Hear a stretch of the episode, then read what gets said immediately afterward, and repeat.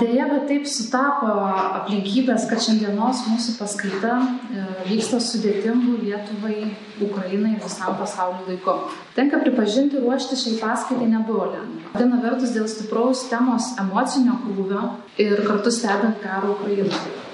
Socialinių tinklų, žiniasklaidos dėka šiandien matome turbūt žodžiai sudėtingai apibūdinamus veiksmus prieš taikius civilius Ukrainos gyventojus. Viena iš minčių, kuri sukasi man iš tikrųjų pastaruoju metu, tai pamatyta organizacijos Gelbėkit vaikus socialinė, e, socialinės žinutės tekstas. Kiekvienas karas yra karas prieš vaikus. Mes girdime apie nuo karos veiksmų, sprogdinimų, bombardavimų mirštančius mažamečius vaikus. Taip pat apie kūdikius, kurie gimsta dabar karo metu, arba tuos vaikus, kurie su globėju kaip, kaip pabėgėliai bando patekti į saugesnę valstybės teritoriją. Šiandien kalbėdama tarsi istorinė tema apie įvykius vykusius prieš daugiau negu 70 metų, sustoju, vis dar sustoju šiandienos akimirką. Kairėje pusėje jūs matote mažametę mergaitę Ingrid Braun, gimusią 1935 metais, rytų pusėje turėjusią keturis brolius, mamą, tėtį, namus ir tarsi vaikui įprasta kasdienė vaikystė. Dešinėje pusėje jūs matote tą patį žmogų, Ingrid Brukienė, po 80 metų, laikanti rankose vienintelį išlikusi materialų ir apčiuopiamą daiktą iš praeities kliušinį meškiuką. Šuniuką, kuris kaip ir ponė Ingrid stebuklo dėka išgyveno antrąjį pasaulinį karą, vadavusi iš bado prasidėjusių pokarių jos tėvynėje rytų Prūsijoje. Ir vienintelė vieta garantavusi išgyvenimą buvo kita valstybė, kaimininė valstybė - Lietuva.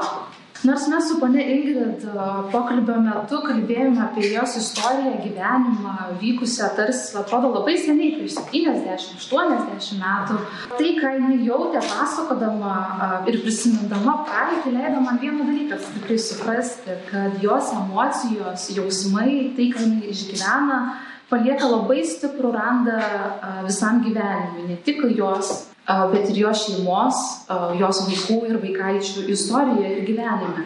Ir tai, ką jinai pasakoja, tai nebuvo istorija, kaip ir kitų vilko vaikų gyvenimuose. Tai, kad atrodo, ką jie pasakoja, tai, tai yra istorija, bet tai nėra istorija, tai yra dabartis, tai yra stipriai išgyvenamos emocijos netgi šiandien.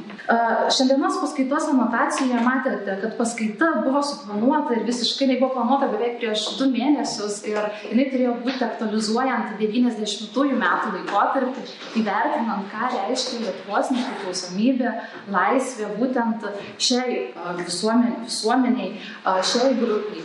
Bet dėlė sutapo taip, šią paskaitą taip pat norėčiau paskirti nukentėjusiems mažamečiams vaikams Ukrainoje, todėl norėčiau paprašyti tylos minutę pagerbti žuvusius ir šiandien kenčiančius Ukrainos vaikus. Ačiū.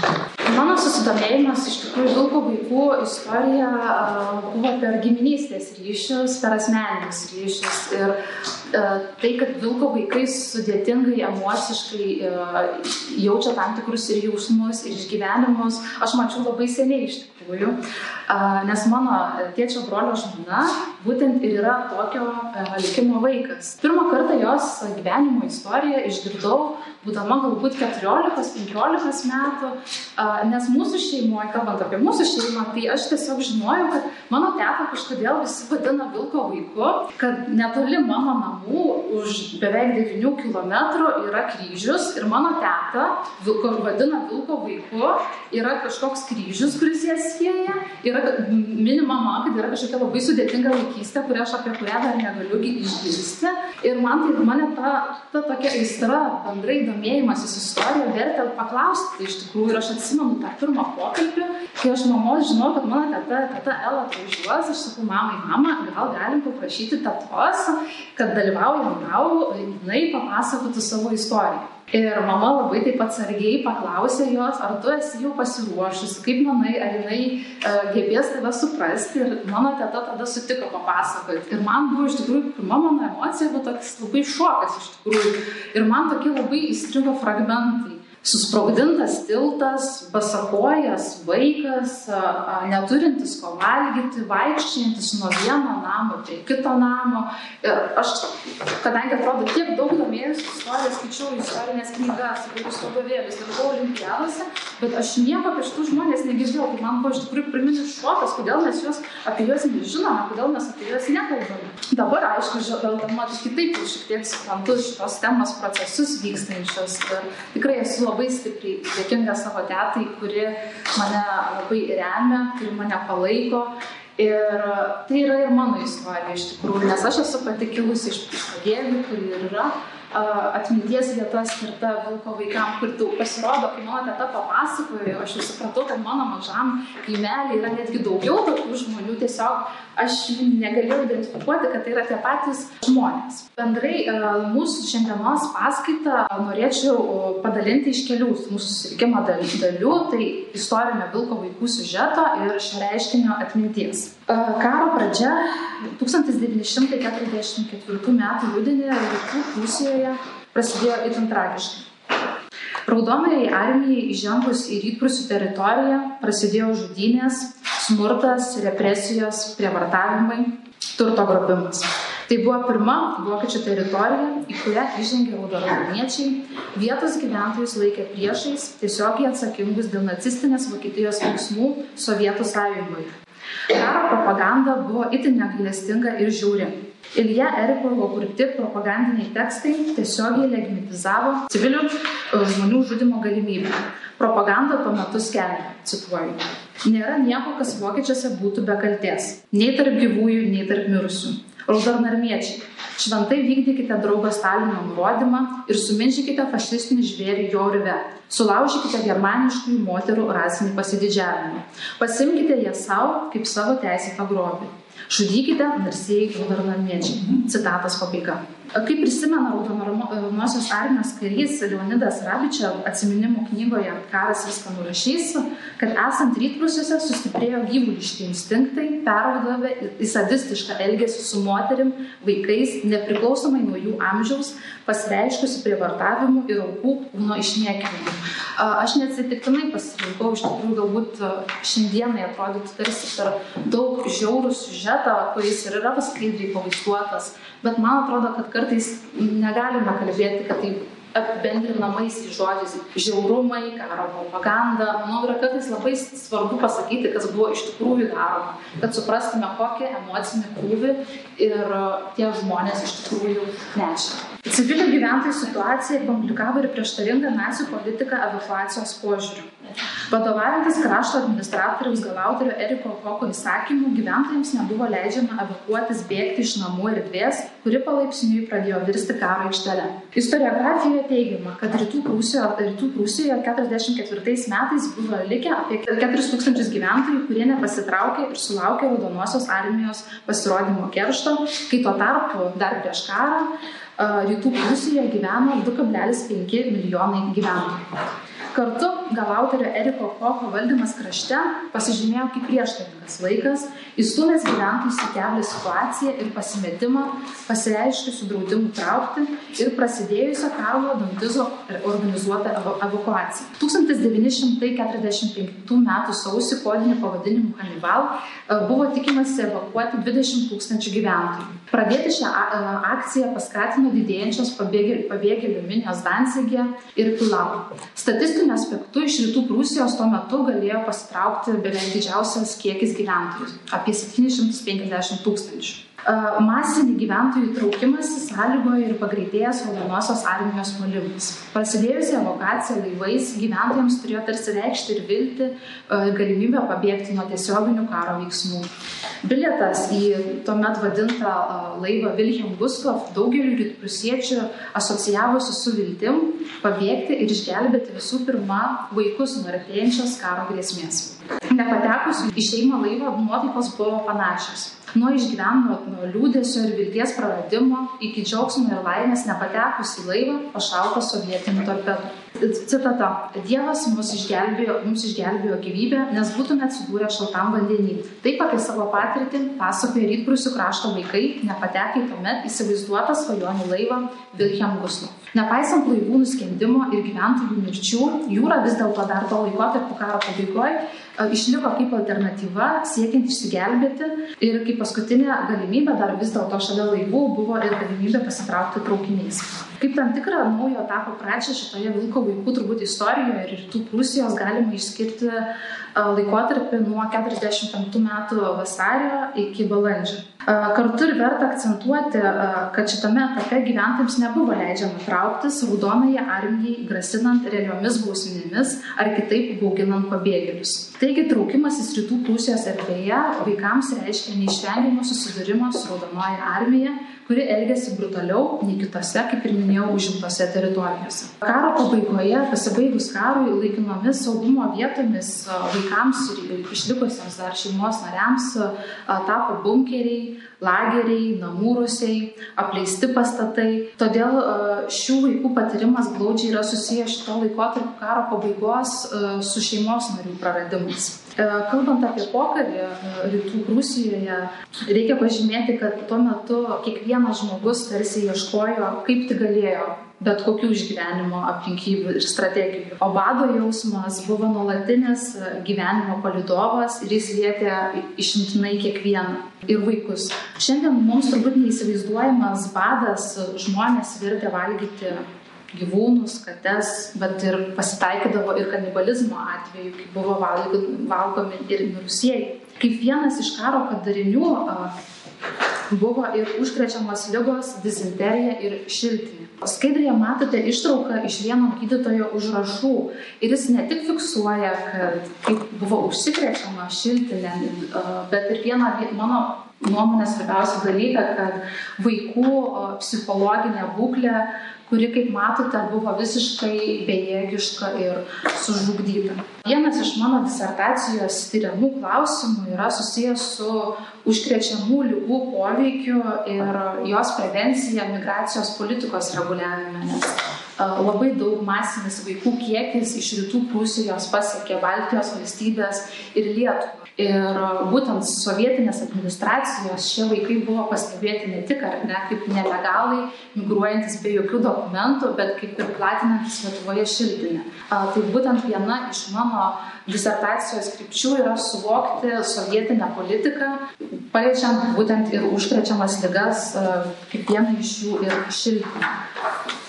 Nematydami kitos alternatyvos pokario metais, mažamečiai vaikai buvo priversti ir dažnai istorikų vadinami kaip mažaisiais suaugusiais, kurie turėjo patys savarankiškai pradėti ieškoti išgyvenimo alternatyvų. Kalbantis ne su vienu vilko vaiku, jis dažnai pabrėždavo ir akcentuodavo vieną dalyką, kad to skausmo, žiaurumo, baimės, kurį jam kaip vaikui teko patirti, neįmanoma apibūdinti jokiais žodžiais. Tai, ką girdime kalbant šią temą, jie labai ypatingai šitą pabrėžia aspektą, kad, kur jau skaitome parašytą grožinę literatūrą, istorinės knygas, kad realybė, nors mums atrodo, kad tai pasakojame, mes labai empatiškai įsijaučiam, bandom suvokti ir atrodo, tai, ką mes skaitome, ar ne, Lydo Šlepiko romaną, nebejoju, kad dauguma yra susipažinę su šia knyga, atrodo labai dideli, baisūs baisų žiaurumai, bet jie, Vilko vaikai pabrėžia tai, kurie skaitė šitą romaną, kad realybė buvo daug žiauresnė ir negailestingesnė, negu mes galime įsivaizduoti skaitant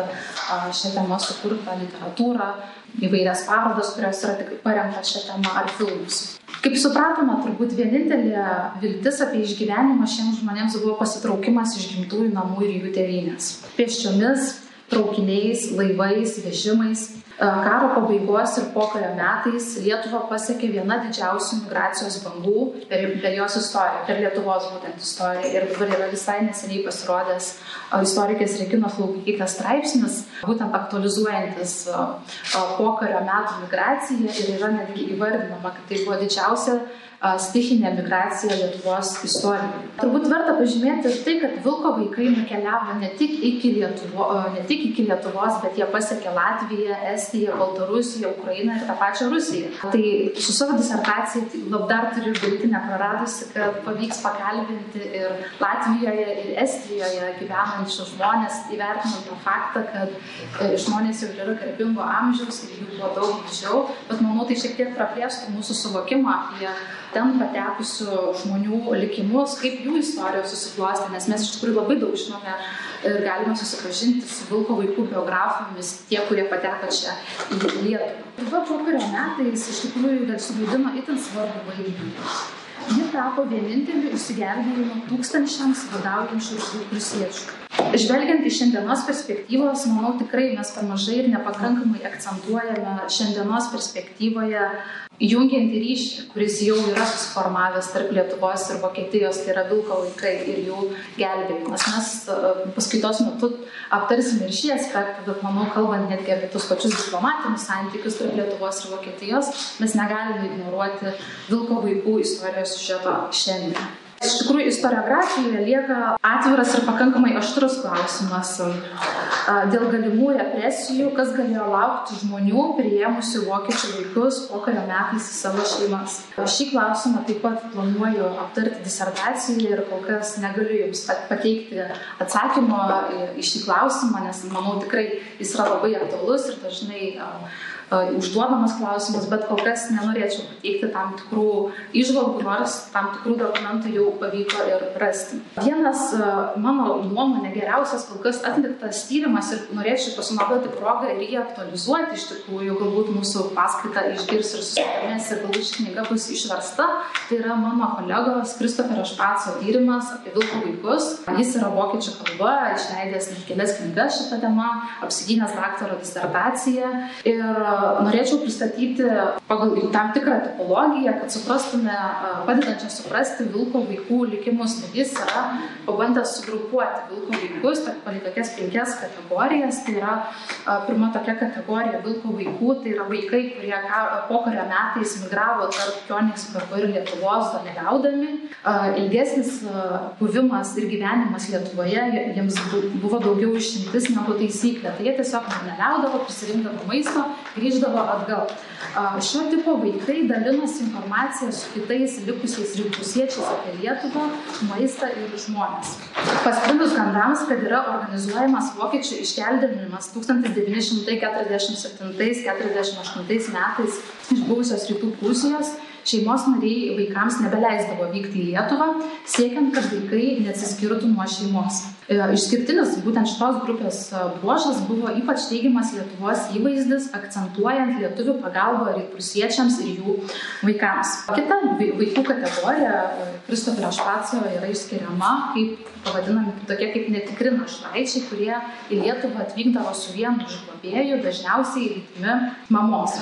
Mama dažnai vaikus atiduodavo globoti lietuvių šeimoms, o, o atsiskydimas dažniausiai tarp mamos ir vaiko įvykdavo uh, tarp kelių savaičių ar netgi tarp kelių mėnesių ir priklausomai ar vaikas paskui susirasdavo savo mamą ar ne ir jis pagal tai savo netgi tą tokį uh, pasakojimą, kaip jis prisimena ir konstruoja. Kita vaikų kategorija tai yra uh, kaip potencialus vaikas galimas įvaikinimui, tai yra galima priskirti jaunesnius ir vidutinio amžiaus vaikus. Vaikų likimas priklausė nuo kitų užuojautos, o labiausiai intimus ir šilti santykiai užsimeskė tarp berniuko ir lietuvių globėjos mamos. Suteikta šiluma atvykusiam našlaičiui buvo suprantama tarsi kompensacija už tai, kad sunus kovoja laisvės kovose. Šios grupės vaikų asimiliacijos lygis aukštas, jie greit pamirštavo gimtąją kalbą. Kita vaikų kategorija yra skiriama kaip darbo jėga. Tai išskirtinis šitos grupės bruožas, kad vaikai buvo išnaudojami darbams kaime, kur e,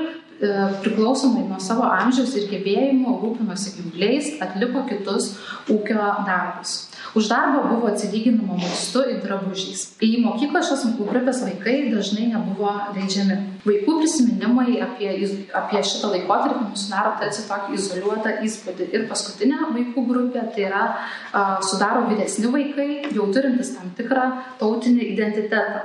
A, jie greitai rasdavo darbą dėl savo turimų pažintinių ir fizinių gebėjimų. Kartu vaikai turėjo pasirinkimą išvažiuoti ar išeiti kitur ieškotis darbo. Šios grupės vaikai dažnai priešinosi išoriniam spaudimui krikštytis, litonizuoti ar keisti vardą, pavardę, todėl dalis jų grįžo 1951-1952 metais į Vokietiją.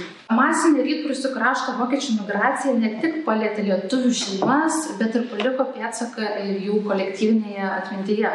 Daugumoje prisiminimų, biografinių knygų viena ar kita forma galime fiksuoti rytprūsių krašto migracijos procesą ir elgetaujančius žmonės, moteris ir vaikus. Mažiau matomi ir netgi būtų galime sakyti tokia perkeltinė prasme, vilko vaikų šešėlyje gyvena ir kiti vaikai, apie kuriuos mes dar pakankamai mažai žinome, tai vaikai, kurie atklydo dėl bado pokario metais iš Baltarusijos, Rusijos ir Ukrainos.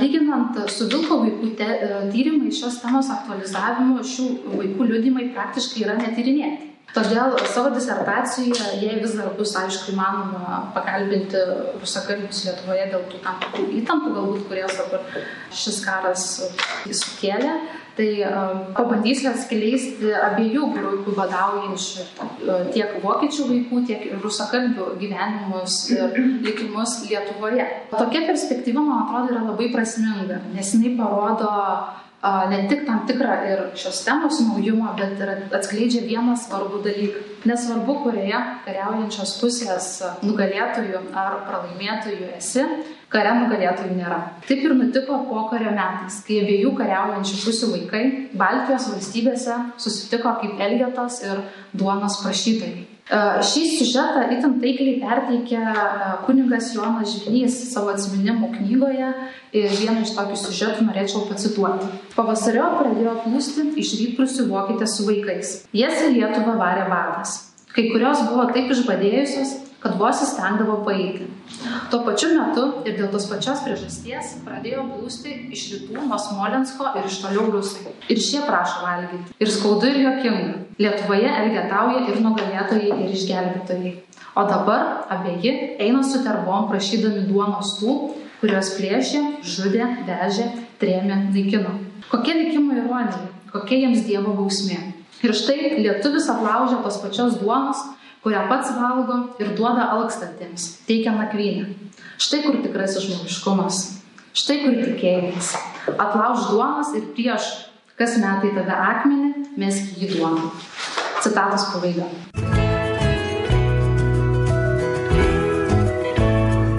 Kalbant apie apskritai vaikus, nesvarbu ar tai vokiečiai ar tai rusai, yra svarbu nepamiršti šio laikotarpio konteksto, kuris turi labai reikšmingą vaidmenį. Karo pabaiga Lietuvos arba krūvinųjų žemių gyventojai, gyventojai pasitiko turėdami įvairialypę ir daugia sluoksnį patirtį, sudaryti iš kasdienės nežinomybės ir nuolatinės grėsmės jausmo, sukeltos taigos okupacijų kaitos ir tiesioginio karo patyrimų. Pokyčiai, kuriuos teko išgyventi gyventojams pokario metais, buvo dramatiški. Pokario metus lydėjo kolektivizacija, trėmimai ir partizanų karas. Žvelgiant iš pilko vaikų perspektyvos, pasidalinsiu vienu tam tikru atradimu, kurį pavyko atrasti archyvose.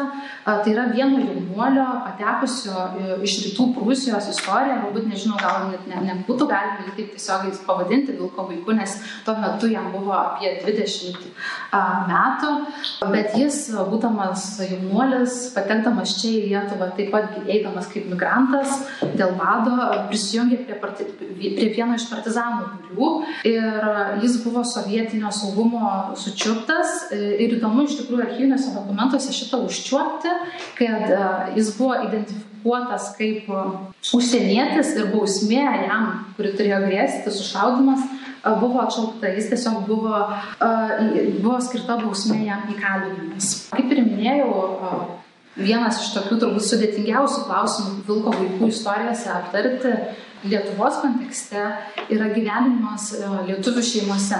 Apie šį klausimą yra labai sudėtinga kalbėti ir nenoris perteikti dviejų tarsi radikalumų. Kalbėti vien tik apie gelbėjimą ir nežinoti tos kitosios pusės. Dar nori rasti parodyti tarsi egzistuojančią kažkokią pilkąją zoną, Tai viena vertus mes turim suprasti, kad jei ne lietuvių šeimos, ne lietuvių parodytas žmogiškumas, ištesta pagalbos ranka, vokiečių vaikai Lietuvoje nebūtų išgyvenę. Tačiau vilko vaikai prisimindami kitą pusę, iš tikrųjų, kuri buvo tas sunkus ir alinantis darbas lietuvių šeimose, jų ūkiuose, dirbant įvairius fizinius darbus, prižiūrint šeimos vaikus. Ir skaudžiausias dalykas šitiems vaikams, kuriems iš jų buvo tas, kad jie negalėjo lankyti mokyklos. Ir dauguma jautė netgi tokią neteisybę, kad jie turi anksti ryte išeiti ganyti gyvulius, o jų bendramžiai, netgi iš tos pačios šeimos, eina į mokyklą, turi tokį įprastą kasdienį gyven, gyvenimą, o jie ne, negeba netgi nieko parašyti, yra nesuprasti ir engiami. Tai šita pusė yra labai svarbi, manau, taip pat. Ir manau, kad tą pusę galėtume pavadinti tokią kaip pilkąją zoną ir jos neignoruoti. Manau, klausimas visada įdomus yra, kas buvo iš tikrųjų tie žmonės, kurie a, priimdavo lietuvių šeimas, tai m, savo tiek bakalaurę, tiek magistrą bandžiau užčiuopti tokį socialinį portretą tų žmonių.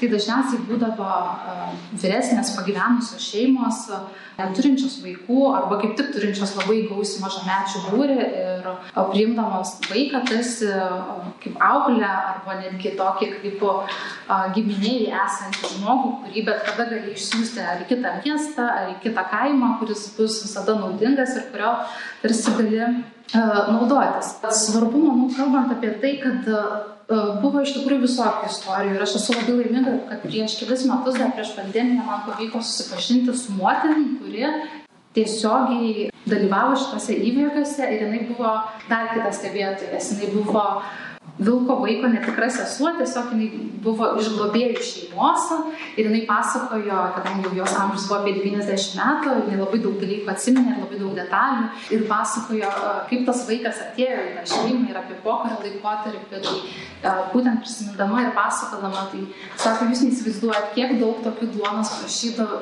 jų eidavo po kaimus, bet sako, žinokit, vieną dalyką labai atskirdavo. Būdavo ir tarp lietuvių, kurie eidavo ir prašydavo ir duonos, bet vokiečių vaikus ir prusiečius atskirdavom iš karto, nes jie būdavo labai uh, stipriai išpadėję. Nežinau, jūs atkreipėte tokiam geltonam fone, buvo nuotrauka, uh, galbūt aš uh, jos neaptariau savo skaidrėje, bet šitoje nuotraukoje yra užfiksuota originali fotografija, visai netoli šitos vietos, labai simboliškai, net nepagalvojau prieš paskaitą. Vilko vaikai užfiksuoti Gedimino kalno papėdėje, kad 1947 metais lietuvio gyvenančio čia Vilniuje jie prašė duonos. Tai gali matyti, kokia to vaikų būklė buvo Sekus jų išsausėjus, visai kojas sunykusios, apigrįžusius drabužius. Tęsiant šitos moters istoriją, kuri augo vienoje šeimoje su vilko vaiku, tai jinai labai ryškiai prisiminė tą dieną kitoje šeimoje atsirado tas vaikas su savo mama. Ir istorija iš tikrųjų labai žiauri ir skausminga. Ir jinai prisiminė, kaip jos mama buvo labai tikinti moteris, kaip jinai kiek galėdavo, tiek skirdavo ir maisto vokiečių vaikams apskritai elgetaujančiams žmonėms padėdavo. Ir prisimena, kaip patekęs į tą šeimą, jinai taip ir vadina mūsų karolis, kaip pateko į šeimą mūsų karolis, vilko vaikas, jie suteikė eilinį kartą maisto šeimai, bet yra žinoma, kad jeigu žmogus labai ilgą laiką badauja, reikia labai atsakingai duoti maistą, nes iš tikrųjų maistas gali kaip tik atvirkščiai suveikti ir žmogus per daug suvalgęs gali numirti. Tai taip atsitiko ir berniuko mamai. Šeima buvo pavalgydinta, jai buvo suteikta nakvynė ir tiesiog vieną rytą jie nueina atsisveikinti su šeima, nes jie, jie galėjo susikalbėti vokiškai, ta šeima mokė vokiečių kalbą. Ir ateina ir randa tiesiog labai garsiai klykianti berniuką Karolį ir pamato mirusią mamą. Ir uh, tada šeima iš tikrųjų išsigąsta, nes jų tiesiog daržinėje yra miręs žmogus ir jie ne, nežino, ką daryti, tai vis dėlto nusprendė, kad jie kreipsis į, į valdžią ir informuos, kad yra miręs žmogus ir paklaus, kur galėtų ją palaidoti. Ir manau, šitoje istorijoje yra labai svarbu, kad valdžia atsakė, buvo atsakymas toks, kur norit, kaskite nors ir po obį. Ir šeima vis tiek jiems ne, jie neturėjo jokių iš ankstinių nuostatų, iš tikrųjų labai nuostabu ir graži šeima buvo. Ir jie netgi karo metais prieš tai jie buvo slėpę netgi rusų belaisvį, nacijų okupacijos laikotarpiais, netgi rusų kareiviais pas jų slapstys. Tai ta šeima iš tikrųjų buvo labai tikinti ir kiek galėdavo, tiek padėdavo toms prašytojams. Ir jie bandė vis tiek tos valdžios išprašyti, kad leisti normaliai kapinėse palaidoti, bet valdžia neleido netgi kapinėse laidoti. Tai paskui tokiose apleistose kapinėse niekam nežinant, pavyko šeimai palaidoti iš tikrųjų, nes tiek, ne, jie buvo tą tokį, turėjo labai stiprų, kiek supratau, žmogiškumas. Jų šeimoje buvo tikrai viena iš tokių stiprių vertybių, o berniukas iš tikrųjų, mes net neįvertinam, kokios psichologinės būklės vaikai pateko į šeimas, nes jisai pasakodavo, kad tas berniukas po mamos mirties tiesiog vaikščiodavo po kaimą ir ieškodavo tos mamos, nes jisai psichologiškai negalėjo suprasti, kad jo mama yra mirusi. Ir tą vaiką iš tikrųjų, kiek galėjo, ta šeima bandė auginti kiek savo vaiką ir leido jį į mokyklą, bet jisai pasakojo, kad labai netgi jam ir mokykloje sekėsi sunkiai integruotis į mokyklą, į bendrauti su kitais vaikais ir jis turėjo tam tikrų ir paskui vėliau išlindusių psichologinių problemų, nes manoma, kad labai jį stipriai paveikia būtent tas patirtas vadas rytų Prūsijoje, matytos visos mirtis, išgyvenimai, ta prievarta ir tas nesuvokiamas atsisveikinimas su mama. Ir galiausiai tas vaikas, dar sovietmečiu užaugęs, nusprendė, kad jis bandys pasitraukti į Vokietiją. Ir iš tikrųjų, kad tie ryšiai, tai, ką jinai pasakoja, yra iš tikrųjų tiesa, man, man turbūt atskleidžia atsistos tos atvirutės. To vilko vaiko Karolio, tai yra sveikas ir vadina netgi tėvelį, mamytę ir netgi parodė, parodė man tam tikrus susirašinėjimus, kad tas šiltas ryšys iš tikrųjų tarp tos globėjų šeimos užsimeskė. Visada šitoje istorijoje tai ir nenorisi labai gyventi tarp labai didelių kardinalumų, kad juoda, balta, bet rasti tą tokį vidurį ir parodyti, kad labai įvairių iš tikrųjų istorijų buvo. Dauguma vilko vaikų čia pasilikę, tie, kurie išvažiavo ne iš rytų Prūsijoje per organizuotus iškeldinimus, ne iš Lietuvos, čia vėliau ilgainiui sukūrė šeimas. Turbūt įdomi istorija tai, kaip jie sukūrė šeimas ir gyveno toliau su šitą patirtim. Tai manau pasireiškia toks reiškinys kaip sovietmečio tyla ir dauguma jų nenori, bijo, nežino, kaip apie tai pasakoti, nes pats istorija vilko vaikų turbūt visiškai sovietiniam naratyvui nebuvo primtina. Ir netgi šeimose būdavo ir tam tikrų tokių tylos, tiesiog akimirkų ir nepripažindavo šitos istorijos, ar vėliau papasakodavo apie šitą istoriją, irgi jų bijodavo iš tikrųjų ieškotis. Tai kodėl aš tavo paskaitą ir norėjau skirti artėjančiai Lietuvos nepriklausomybės dienai, kovo 11, e, nes mes laiką labai aktualizuojam tarsi per vieną tokią perspektyvą, ką mums išryškina tokį tautinį momentą, ką mums kaip lietuviams reiškia ta laisvė ir nepriklausomybė. Ir aš manau, kad vienas iš svarbiausių ir gražiausių turbūt akimirkų buvo Vilko vaikams 90 metai ir ta atgauta Lietuvos laisvė ir nepriklausomybė. Nes po beveik 50 metų ar 45 metų tylos tie žmonės pagaliau pirmą kartą galėjo pasakyti, kas jie tokie yra. Ir nereikėjo savęs dangstyti, meluoti, galėjai pabandyti tiesiog ieškoti savo tikrų galbūt brolių, seserų, iš, išlikusių giminaičių. Ir m, po 90 metų iškart Vilko vaikai susibūrė į organizaciją Edelveis Lauskinė. Ir man teko tiek iš bendrijos pirmininkės, kuris šiandien yra tarp mūsų, girdėti pasakojimų apie tus pirmuosius Vilko vaikų susirinkimus. Tai tarsi buvo žmonės susirinko ir pamatė, kad tokių kaip jie yra žymiai daugiau, kad jie tokie nebuvo vieni, kad tai nebuvo kažkokios šeimos, miestelio, kad tai buvo visos tautos, tai buvo ištisos tėvynės iš tikrųjų tragedija. Ir pirmieji tie vilko vaikų susitikimai buvo labai dramatiški. Žmonės jautė, kad yra daugiau tokios pačios patirties žmonių ir jie žymiai daug atviriau galėjo pirmą kartą papasakoti žmogui, kuris galbūt tave pajaus empatiškai, kuris jausės, kad turi tokią pat patirtį. Ir Tai ta laisvė, nepriklausomybė šiems žmonėms iš tikrųjų labai daug reiškia. Tai turbūt vienas iš tokių klausimų turėtų būti, kodėlgi vilko vaikai. Tai irgi turbūt yra susijęs su 90-ųjų metų kontekstu ir tai nėra bandymas šituos žmonės susijęti, kad jie galbūt daug laiko praleisdavo elgetaudami ir slėpdamiesi kažkur miškuose, susijęti su mitinėms legendoms apie Remą ir Romulą, kurie tarsi apie vilko vaikus turbūt pirma mintis gal ir viešojoje erdvėje ir žiniasklaidoje, šiek tiek ir kaip mano kolega Kristoferis Špats per daug sako, ir mitologizuojami šitie pasakojimai, ir tam tikri dalykai yra nutylimi, netgi vilko vaikų istorijose. Tai šito termino atsiradimas yra susijęs su žymaus vokiečių režisieriaus Eberhardo Fechnerio filmu, kuris ir buvo pavadintas Wolfskind. Tai nuo šito pavadinimo būtent yra kilęs iš Vokietijos. Lietuvių žmonių atmintyje yra visiškai kitas pavadinimas, jeigu net pasižiūrėtumėm, atsiverstumėm biografinius tam tikrus užrašus ir kai buvo citata pateikta, o po kaimų su vokietukai su darbuom ir skudurais. Tai šitas vokietukų terminas labai Lietuvoje buvo išplitęs ir naudojamas. Lietuvoje pirmą kartą televizijoje viešai apie vilko vaikų temą buvo prabilta 1996 metais Editos Mudažytės laidoje toks sutapimas, kad ta moteris, kuri pasakojo apie savo istoriją, mes esame kilusios iš to pačio kaimelio, iš to pačio miestelio, tai mano irgi kraštietė, tai irgi tam tikras saitas, ne tik mano tėtos, bet kaip ir minėjau, daugiau tokių žmonių buvo ir jinai irgi pirmą kartą viešai e, papasakojo apie savo istoriją. Ir įdomu tai, kad terminas vilko vaikai visiškai nebuvo naudojamas. Taip pat norėčiau papasakoti apie vilko vaikams labai svarbią atminties vietą, kuri yra pabėgiuose, gytose, tai yra pačių jų iniciatyva ir jų globėjo Volgano Panštetino atminties vieta, kryžius. Ir man skaitant žiniasklaidą, kaip apie šitą temą yra kalbama, labai įstrigo iš vieno tokio vilko vaikams skirto minėjimo tokia citata paimta, kad šita atminties vieta daugumai žmonių asocijuojasi su kapinėm kadangi jie neturėjo galimybės atsisveikinti su savo net netektu, netekta mama, netekta močiute, broliu, seserim, nes daugumos jų artimieji tiesiog mirdavo kažkur pakelėse, grioviuose ar netgi kaimiškose vietovėse patys vaikai galvodavo netgi kaip iškasti tą dobelę, atsisveikinti su vaikais.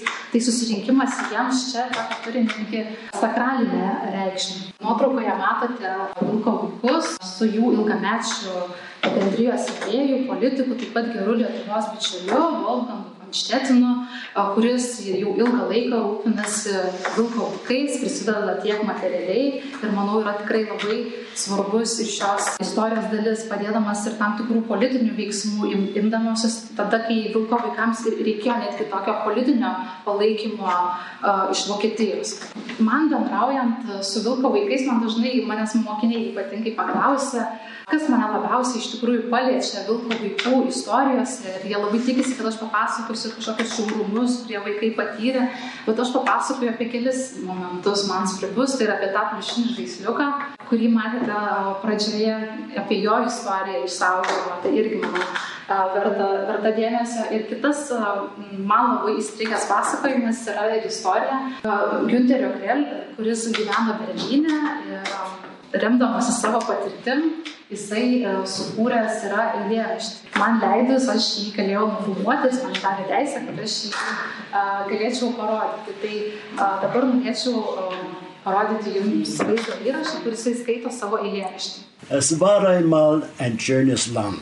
Es war einmal ein schönes Land. Mein Königsberg, mein Vaterland. Dort wohnen wir nicht viele Jahre und kommt das Ross so stört Nässe. Und fliegt die rote Sterne über Königsberg und fliegt die schwarze Bomben, brennt schöne Häuser, Kirchen brennen. Wir Kinder weinen und schreien. Wo ist Mutti, Vati, Oma, Opa?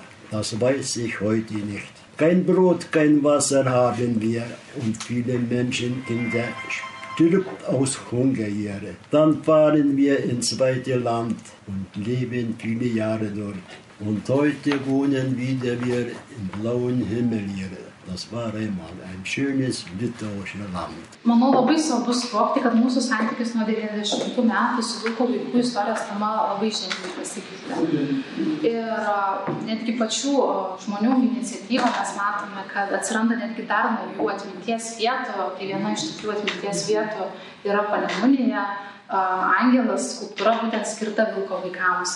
Taip pat matome, kad vis ir daugėja grožinės kūrybos, daugumai ir pažįstamas Alvydo Štepiko romanas, taip pat įvairios parodos yra kūriamos, meniniai projektai, tai manau šiandien vilko vaikai tikrai Lietuvoje yra pamiršti, aišku, būtų labai džiugu ir matau progresą, kad ir mokyklinėje programoje tiek mokytojas dažnai pakviečia paskaityti įvairias paskaitas, tiek bando integruoti ir supranta šitos temos reikšmę. Ir labai džiaugiuosi, kad šiandien tarp mūsų yra taip pat šitą patirtį turintis žmogus ir aš labai norėčiau jai padėkoti, tai yra Vilko vaikų bendrijos pirmininkiai, poniai Komisijai Kažkauskiniai, už jos stiprybę, už tai, kad jinai šiandien yra tarp mūsų ir galbūt jinai dar norėtų tarti sveikinimo žodį. Ne, nu tai nėra ką pasakyti per daug. Jau viskas pasakyta yra, visi viską žino šiais laikais. Tada norėjau pastebėti dabar, kada tokie įvykiai darosi iš, iš Ukrainos bėga žmonės, noriu pasidžiaugti Kada bėga žmonės, aš taip pagalvoju, kad jie labai gražiai bėga. Tvarkingai, mamos, vaikai, niekas jų nešaudo, niekas per juos nevažiuoja su tankais ant galvos bombos nesprogsta jiems, labai gražiai augę. Ir jie yra laukiami visur, laukiami su maistu, su pastogė. Kada iš rytų Prūsijos žmonės traukėsi, tikrai šito nebuvo. Aš pati atsimenu, kaip nors penkių metų, kai buvo, puikiai atsimenu, kaip mes traukėmės, pilni, žinoma, ne pagrindiniais keliais, o visokiais šunkeliais, kadangi karinė technika pagrindiniais keliais važiavo. Ir tai tęsiasi labai labai ilgai tokia kelionė vežimas prie vežimo, žmogus prie žmogaus, tiesiog vat, ėjo viens prie kito. Ir aš atsimenu labai, mes taip staigiai išvažiavom, aš labai neturėjau keli, kelyje, kadangi kelionė ilga, kaip sakau, labai norėjau meškiuko pliušinio, tėdė.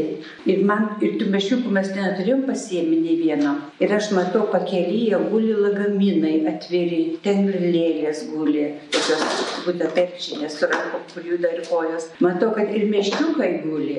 Ir aš noriu tų meškiuko, niekas man jų neduoda. Pasakyta, negalima, čia ne mūsų šitaip, tai iš, iš to, iš to traukimuose šitą. Nu, šiaip tai ką, gyvenimas čia visiškai, aš visuomet sakau, kai būnu Vokietijoje, darau irgi pranešimus, tai visuomet sakau, kad tikrai Lietuva išgelbėjo šitos žmonės ir visi mes esame tikrai dėkingi ir kad Lietuva yra labai gerai gyventi, tai yra saugi, graži šalis ir Ir tas visuomet atsispindi irgi ir parodose visokiuose. Ir Seime buvo tokia paroda surinkta, bet daugiausia tas parodas daro tai Vokietijos menininkai, Vokietijos žurnalistai, knygas jie irgi rašo vokiečių kalboje, be galo daug yra prirašyta. Nu ir ką, ir viskas, tu tikriausiai. Viskas aišku visiems.